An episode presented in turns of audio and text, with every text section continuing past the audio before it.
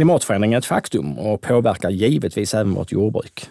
Men vilka lösningar och vilken ny teknik kan vi se då? Och vad behöver vi göra för att underlätta för våra lantbrukare? Välkomna till Mitt Lantbruk där vi idag ska prata om klimatomställningen inom lantbruket. Jag heter Peter Birk Jensen och är lantbruksspecialist på Länsförsäkringar Skåne. Med mig idag har jag Johan Litzmark som länge har arbetat med frågor kring miljö, klimat, hållbarhet och lantbruk hos oss på Länsförsäkringar. Men vi har även med oss Adam Hjärta, tolfte generationens lantbrukare som tillsammans med Silla Kristoffersen driver gården Bona gård i Munsö strax utanför Stockholm. Välkomna båda två. Tack. Tack så mycket. Eh, om vi börjar med frågan, alltså, vilka utmaningar ser ni eh, att det svenska eh, jordbruket ur klimatsynpunkt står inför? Om vi börjar med Adam, vad ser du framför dig? Det är ju framförallt mer av allting, eh, oavsett om det är vatten eller värme eller eh, politiska inblandningar eller regler överhuvudtaget. Det, eh, det blir mer komplex tillvaro och sen framförallt att det blir ytterligheter att när det nu kommer mer regn så kommer det inte bara lite mera regn eller bara lite mera torka. Så det påverkar ju direkt mm. hur vi kan odla och kanske till och med vad vi ska odla. Extremerna blir, blir, blir svängningarna blir större och större och extremerna blir eh, mer tydliga. Ja. ja. Vad säger Absolut. Johan för någonting? Ja, jag kan bara hålla med. Det är precis det som är problemet. Det blir torrare när det är torrt och blötare när det är blött och varmare när det blir varmare. Så att vi ser ju problem inom produktionen. Och ur ett försäkringsperspektiv så är det ju risken. Alltså, lantbrukaren står inför större risk i sin produktion och det, det är den stora hotet eller utmaningen i, i de förutsättningarna som gäller. Just det. Svårare att räkna, förutom det dåliga klimatet givetvis, men svårare att räkna också för, för lantbrukaren som företagaren. Var, var, var, hur, hur åren kommer att gå. Är det så du tänker? Ja, alltså riskpremien mm. i en odling eh, blir större. Ja. Eh, risken för missväxt, risken för lägre mjölkproduktion på grund av värmebölja och så vidare. De, de riskerna ökar. Mm.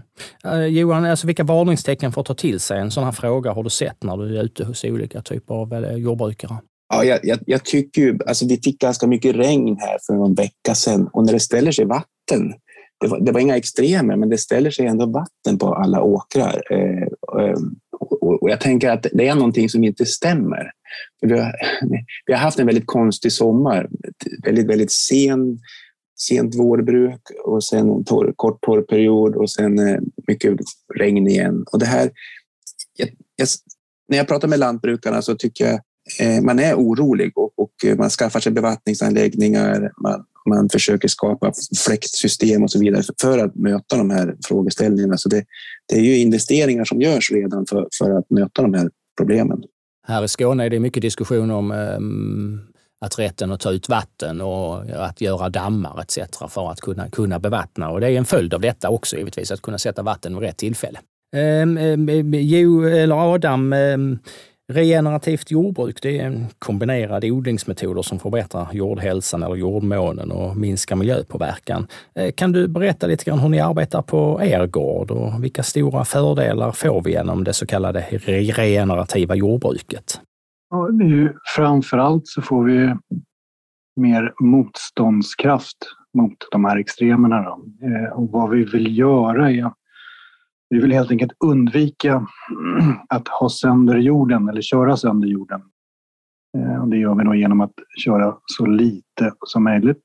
Eh, det är ett led när vi gick över till ren direktsådd 2008. Eh, så det är det enda vi gör, att vi sår. Ingen bearbetning överhuvudtaget. Och sist vi plöjde var 1997.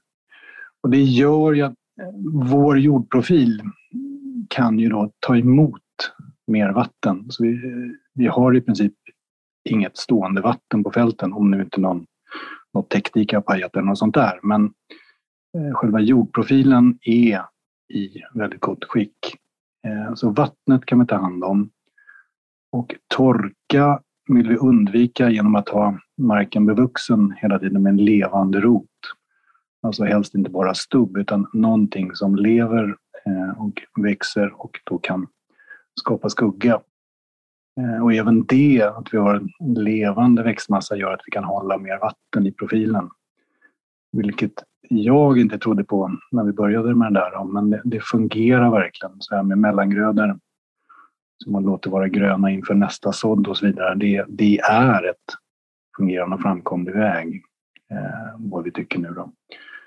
Och sen i vårt fall så har vi också då börjat med eh, köttdjur som vi vill använda ute på fälten. Det vill säga att vi kan beta av vår mellangröda eh, eller naturligtvis våra vallar. Då. Eh, och också ett led är att ha det mer eh, permanent bevuxet. Nästa steg vi tittar på, eh, vilket vi kommer börja med nu eh, under nästa säsong, det är att eh, odla perenna bottengrödor och ha en cash crop, det vill säga vete i vårt fall. Då, som vi tröskar och sen så kan vi beta mellangrödan och så kör vi vete igen. Och det där, det är ju väldigt intressant, eh, systemen framåt. Eh, jag tror inte så mycket på det här traditionella som vi alltid har gjort. Att vi odlar monokulturer eh, och försöker maximera vinst i den grödan. Utan vi försöker titta mer på systemet i helhet. Och över många år. Vad är det för perenna bottengrödor? Eh, vad är det blir lite nyfiken på här. Ja, i vårt fall så nu är det tredje året som vi har eh, vitklöver i botten och så skördar vi råg. Och där det enda vi gör är att vi sår rågen. Mm. Eh, ingen gödning, inget kem, ingenting. Eh, förutom vi lägger på koskit eh, på höst och lite eh, kompost på våren. Och, och, du har tillräckligt med koskit, alltså gödsel, för att eh, kunna, kunna Nej, gå runt? Eller? Det är det som är, det är, det som är akilleshälen? Ja, exakt. Och därav eh, att vi får ut djuren att beta eh, och sprider ut gödseln direkt så att säga, med mm. djuren. Då. Ja. Men det är, alltså, det är problemet i de här systemen, att, eller problemet som också kan ses som en möjlighet, att det är ju den här eh, om vi kallar det mellangröda eller bottengröda eller vad vi nu kallar det, den ska ju generera positivt. Förutom att det bara är något grönt mm. så ska det helst komma en synergieffekt till nästa gröda, det vill säga en gödning eller vad det nu är. Då, så att säga. Och det, där, det är väl ingen som har något direkt jättebra facit på hur man ska göra. Eh, men det testas ju hejvilt och hit och dit med olika grödblandningar och saker. Eh, men just att ha det kvar och inte ta bort det inför nästa gröda. Mm. Det är väl lite det som är tricket, tror jag. Och det är det som sitter i ryggmärgen på en annan, att det är jobbigt det där, det måste vara borta, men det är där man måste börja tänka om. Ja, det där är det, är det som är det svåra. Mm. Eh, alltså, jag kan tycka det här med re, regenerativt lantbruk, det, det blir väldigt lätt. Eh, jag kan tycka att vi svenskar har en extrem förmåga med det, att man svänger sig med senaste modordet och det, nu är det det här som gäller. Mm. Eh, men om man går tillbaka två steg och tänker på vad man gör, så det är att vårda och värna sin jord. Det är jorden som de flesta lantbrukare i alla fall lever av. Och det här är ett väldigt bra sätt att vårda och värna sin jord. Du har ju varit igång rätt så länge. Eh, eh, ogräsproblematiken, jag tänkte att vi i Skåne har haft problem, säkert på fler ställen i, Sverige, med renkavle till exempel. Och ett sätt att mm. döda det, det är att plöja djupt ju, eller göra falsk sårbädd förvisso. Har du sett några sådana problem? Eller ser du något, det, det borde vara ett orosmoment. Eller det, det, det har fungerat? Det är ju, om man nu pratar direktsådd, så är det ju gräsogräsen som är problematiken. Mm. Och det är så att det kommer gräs och gräs. I vårt fall så är det eh, mest åkerven som är problemet. Mm. Vi har inte så mycket renkobla uppe i Stockholmsområdet än. Men mm. det kommer mer eller mindre garanterat komma, om det nu är renkobla eller några andra gräs och gräs. Och där eh, med kem som är den vägen som vi använt bakåt så har vi legat på rätt rejält. Men det var ju fortfarande inte löst problemet för vi har det kvar. Ehm, så det där är, det är ett förebyggande arbete. Ehm, sen kan man säga att man kan bandagera och plåstra om när man nu har gräsproblemet. Men man måste vara på förhand med det. Just det. Där är väl då receptet som många pratar om, att du måste ha en varierad växt. Du kan inte ligga på eh, ren höst, ja, höstsorter helt enkelt. Nej, just det. Tror du att du kommer ta fram plogen någon gång igen? Alltså för, i vissa bitar i eh, växtföljden? Eller eh, du tror att, eh, inte att du kommer ta tillbaka den någonstans i växtföljden? Så som du ser det just nu. Vi vet ju inte vad som händer om fem år, vad vi har då för problem. Nej, och sen är det ju det är lätt att bli fundamentalist så att säga med det man håller på med, ärligt talat. Ja. Så man se vad nästa generation tycker om. Men i mitt fall, så långt som vi har kommit nu, jag kan inte se någon situation överhuvudtaget där plogen skulle kunna vara en lösning på ett problem som vi har. Ja, det är roligt att höra. Eh, jag som är ultrakonservativ behöver ju fundera en stund på det. Men det är det svåraste att ställa om mentalt. Ja. Skruva mutter är liksom mm. Det går att hitta lösningar på, men den mentala omställningen är stora. Om vi går vidare Johan, eh, alltså i tidigare program har vi pratat om att man ska konsumera mat för att minska klimatavtrycket. Men hur ser vi till att våra livsmedel produceras på så smart och då om vi använder ett regenerativt sätt som möjligt? Eh, vad säger du? Har du någon synpunkt? Ja, jag, eh, jag tror ju att det regenerativa eller att vårda och värna sin jord, det är ju, det är ju ryggraden i jordbruket. Så att det, det är livs, eh, livlinan man har som lantbrukare, att ha en fungerande jord. Och när jag, jag har varit konventionell lantbrukare och jag har varit ekologisk och jag har ju sett brister i båda systemen. Men kommer vi till en nivå där man får fram bra teknik, bra grödval och möjligheter, så det här det här blir på något sätt en naturlig utveckling för här, här finns det en massa möjligheter som, som, inte, som inte jag har sett. Jag är en glad amatör i det här, må jag säga. Men jag, jag tycker det löser flera saker. Vi behöver en, en schysst livsmedelsproduktion med tillräckliga volymer för att vi har en stor befolkning att föda. Vi behöver biologisk mångfald. Vi behöver resiliens, det vill säga motståndskraft mot torka och, och blöta. Vi behöver näringskedjor som funkar med kväve och fosfor och, och cirkulär odling. Och det, allting bjuds i den här typen av system. Så på något sätt, om samhället kan liksom stötta teknikutveckling och, och den utveckling som behövs så kommer den här riktningen att vara väldigt, väldigt framgångsrik framöver av sig själv, tror jag. Hur ser vi till att vi inte fortsätter i samma riktning, tycker du, Johan? Alltså det, jag har en, det finns en sak att hålla sig i och det är hur vi kan bara räkna på växthusgaserna som naturen gör. Mm. Alla andra sätt att räkna lurar någon. Och en dag så kommer vi att förstå det här. Så att vi kan, hur ska man säga, vi kan lura oss ett tag till och räkna på, på det här, men en dag ett tips till varje lantbrukare är att fundera hur naturen räknar på eh, klimateffekterna, så att säga. Eller koldioxid framför allt, då, eh, utsläppen. Och, och, och, så förhåller man sig till det. Och då kommer man att ha en lösning framöver som fungerar. Det är enda, det är enda möjligheten på något sätt. Vad säger du Adam? Har håller du med Johan här eller eh, har du någon annan vinkling på det? Nej, absolut. Det klart att jag håller med.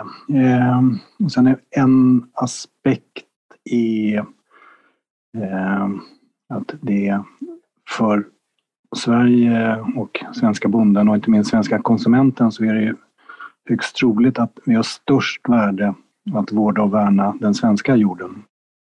Eh, alltså att man bör få upp ögonen att det lokala är viktigt. Inte bara att det är roligt att äta lokal mat utan det lokala landskapet, Sverige jord och inte minst vatten är väldigt viktigt. Eh, mycket, mycket viktigare än vad ja, den urbana människan idag mm. tycker och tror. Eh, det tycker jag är, det tappas lätt bort, i varje fall mellan valen av politiker. Ja, vi har ju sett många olika varianter över åren, allt från omställning 90 till det vi står ja, för idag. Så att precis, det, det, precis. Det, ja, det är det. Det är, ingen, det är väldigt kortsiktigt allting ja. och oftast gärna det senaste man ska hoppa på. Ja, just det. Alltså, om vi går på livsmedel, då, det pratade vi om redan. Vilka livsmedel ser ni i framtiden kommer att minska produktion och eh, vad får det för konsekvenser? Har vi en möjlighet till nyodlingar? Adam, vad ser du? Ser du någonting framför dig? Eh, förutom då den, den delen som är den perenna gröna botten, eller skulle vi kunna hitta mm. någonting att använda där också? Säkert. Eh, och det, det, är ju väldigt spännande tider nu för lantbruket därför att man pratar mat. Eh, det är fantastiska krogar vi har i Sverige, väldigt duktiga kockar och matlagningsprogram och allt vad det nu är. Och det är ett sug efter inte minst proteingrödor. Eh, så att det här med ren bulkproduktion, absolut ja, om du är duktig på det och är stor. Men för de stora flertalet så är det nog troligtvis en diversifiering eller eh, den lokala marknaden som är en väldigt stark drivkraft framåt. Eh, och då hitta vad som efterfrågas på den lokala marknaden. Om det nu är Sverige eller om det är i vårt fall Stockholm eller eller om det är Skandinavien eller vad det är. Ja, mm. precis. Eh, men eh, mer ätbart eh, mm. direkt utan eh, alla dessa mellanhänder och transporter. Då. Ja. Med, utan alla mellanled, ja, som sådant. Mm. Säger Johan, har du, har du någon fundering? Alltså, vi är ju lite vana vid att det ska vara sött och socker. Nu pratade du sockerbetor i början här och det ska, vi inte så säga på sockerbetsodlare. Nej, då blir det, då blir det liv. Men däremot så, alltså vi, om vi börjar med våra duktiga kockar och så och börjar experimentera med nya smaker, så då blir det mycket lättare att vara lantbrukare för att mycket av de eh, grödor som, som erbjuds nu, som finns liksom nåbara, de har ju lite annan smakprofil men det blir fantastiskt gott. Men man, får, man så att säga, så här, behöver upptäcka sina egna smaklökar en gång till kanske. Eh, mm. och det tror jag är en, det är en framkomlig väg. Mm. Eh, och sen eh, att göra mer ätbart i landskapet. Jag, jag, tror det också är en förutsättning för att vi ska klara livsmedelsförsörjningen. Vi, vi har inte, om man ska provocera lite, vi har inte råd med massa gröna gräsmattor som inte gör någon nytta alls. Vi, vi behöver liksom tänka nytt i varje odlingsbar ruta som finns mm. eh, och, och, ta vara på de möjligheter som finns. För, för jordbruksmark, är ju, eller alltså odlingsbar mark, är ju en bristvara som sagt, stadigt sjunker och vi har en befolkning som ökar istället. Så, så, så är, är, det ju och det gäller ju att få med sig även de stora livsmedelsgrossisterna. Ja, de tycker ju om volymer och samma, samma typ av vara hela vägen igenom. Eh, så där har vi också en bit att gå. Eh, vi kan ju inte alla sälja direkt på den lokala marknaden. Samtidigt så är ju det, alltså svinnet är ju, om man tittar liksom lite, lite helikopterperspektiv, var har vi förlusterna och var, var tappar vi så säga, koldioxid, så är ju svinnet en makalöst ja. stor del mm.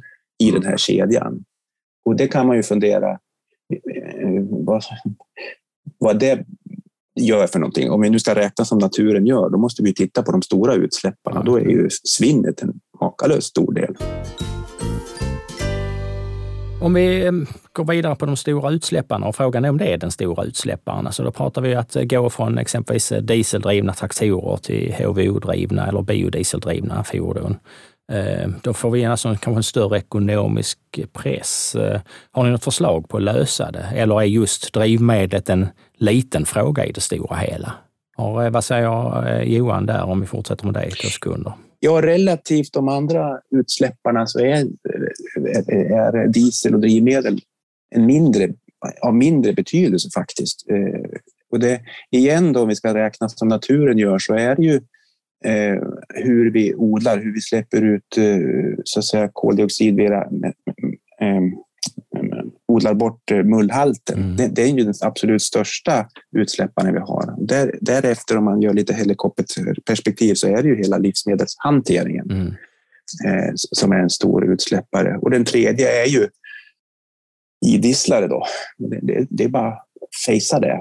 Så, så är man en, står man inför en investering som lantbrukare så tror jag man ska tänka till hur man, hur man lägger sina investeringar framöver. Eh, och kanske då tänker som Adam att ska jag ha en nöt så ska de bidra på många sätt. Ja, då, finns det ett, då finns det skäl att ha nötkreatur. Men, men en ensidig sån produktion feedlots i Argentina eller vad det är, det, det hör liksom inte hemma på jordklotet. Nej. Vad säger Adam, ehm, hur funderar du på det här med eh, dieseldrift eller um, biodieselalternativen? Um, eller det, det, det, det är en för liten fråga i det, i det stora perspektivet för dig? Nej, jag tror att det en ganska viktig policyfråga om inte annat.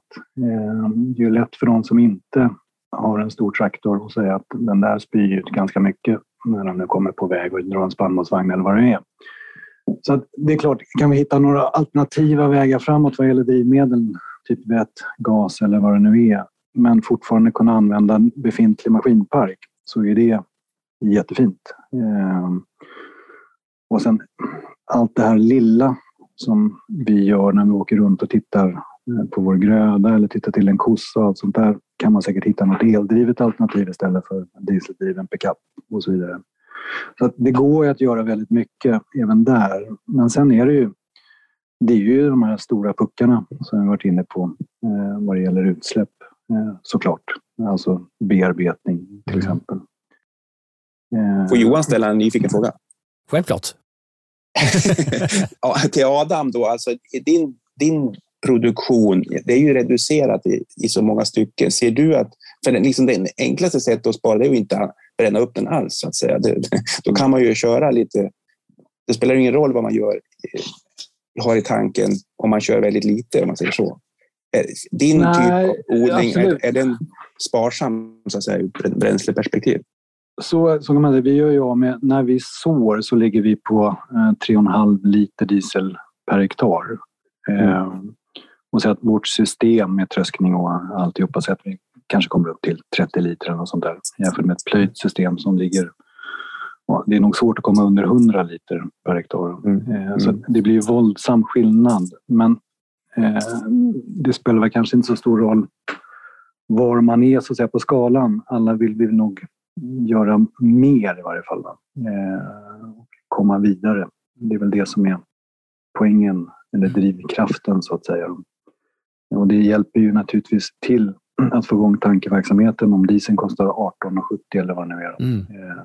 Hur, hur, eh, Adam, hur får vi våra politiker ta upp den här frågan om omställningen i jordbruket? Eh, hur långsiktigt, hur, får, lyckas, hur lyckas vi sätta fingret på det så att vi, vi får, vi måste ju ha, ha på något sätt, Tyskland har alltid varit duktiga på att växla grönt, tar jag intryck av egentligen, men hur får vi våra politiker att komma vidare?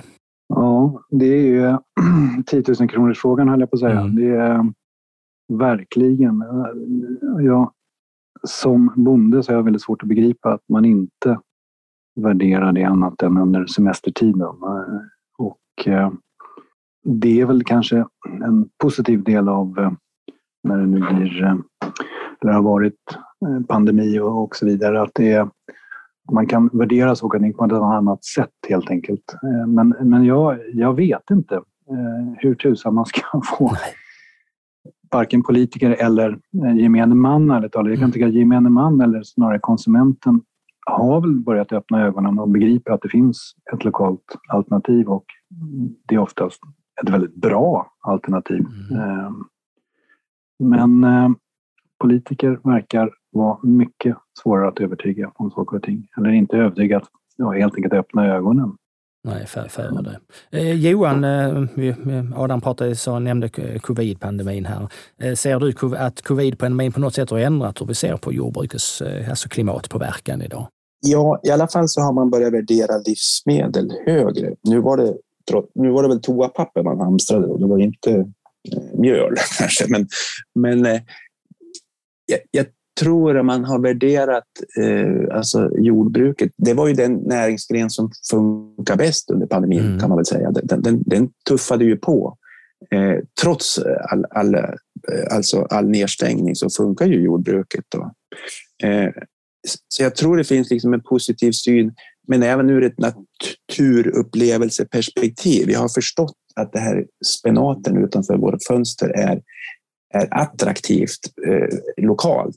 Man börjar vistas mer i naturen, man, man, man vill ut, man, man, man ser värden. Som man, och det tycker jag också lantbruket har möjligheter att, så att säga, eh, nyttja eh, på något sätt. Jag tror alla glamping eh, anläggningar som finns, det vill säga, eh, vad heter det, kallas det? Plogglamping, det är sån luxuös tältning ute, ute i, i, i fält. Ja, de har väl, gått, de har väl gått som tåget ja. under den här pandemin.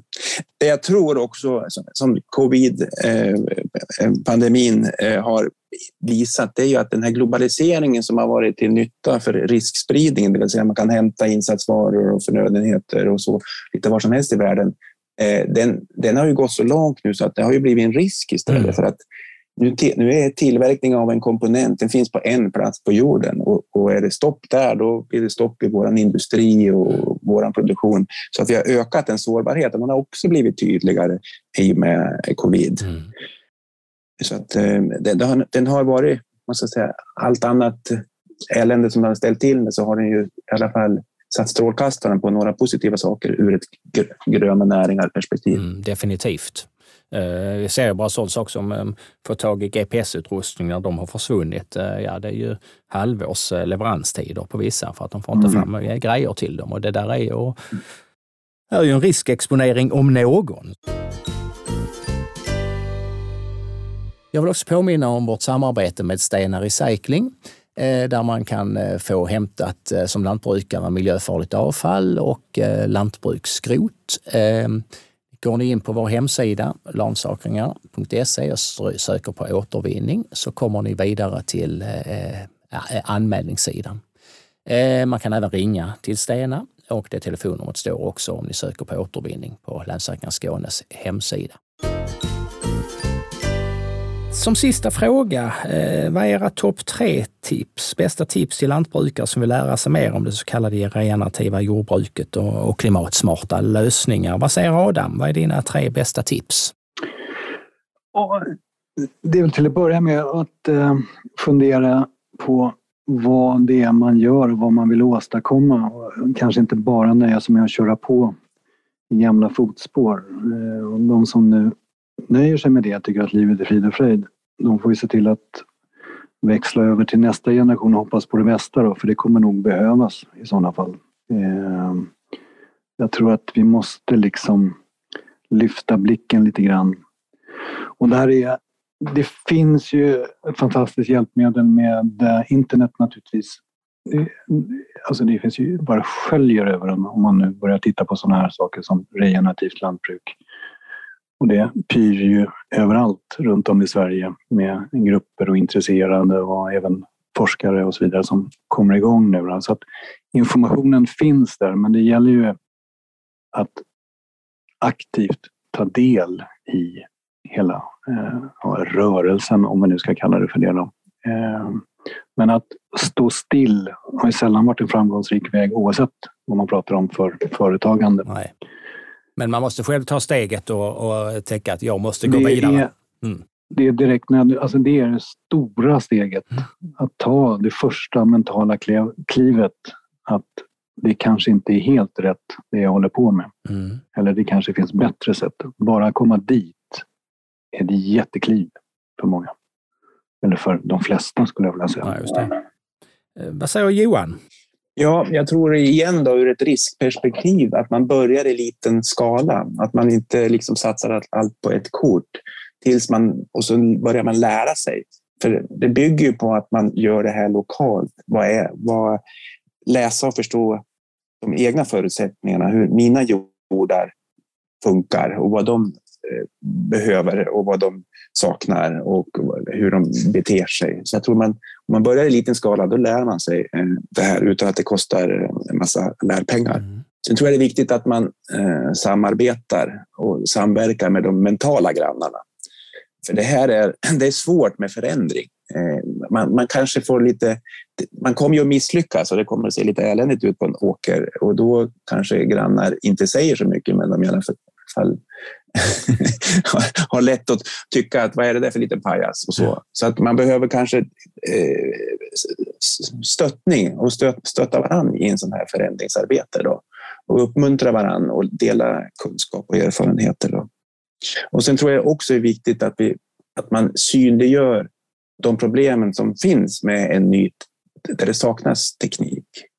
Är det någon typ av eh, djupluckrade Eh, är den vad är det som fattas? Och teknikutvecklingen behöver satsas på så att, man, att det finns de som ska så att säga, bidra nu med, med riskpengar, om det är EU eller Jordbruksverket eller Länsstyrelsen eller Klimatklivet eller vad det är, så, så måste man få till sådana eh, möjligheter för att knuffa utvecklingen framåt. Det var allt för denna gången. Tack Johan och Adam för att ni ville medverka i det här avsnittet om klimatomställning inom lantbruket och tack till dig som har lyssnat.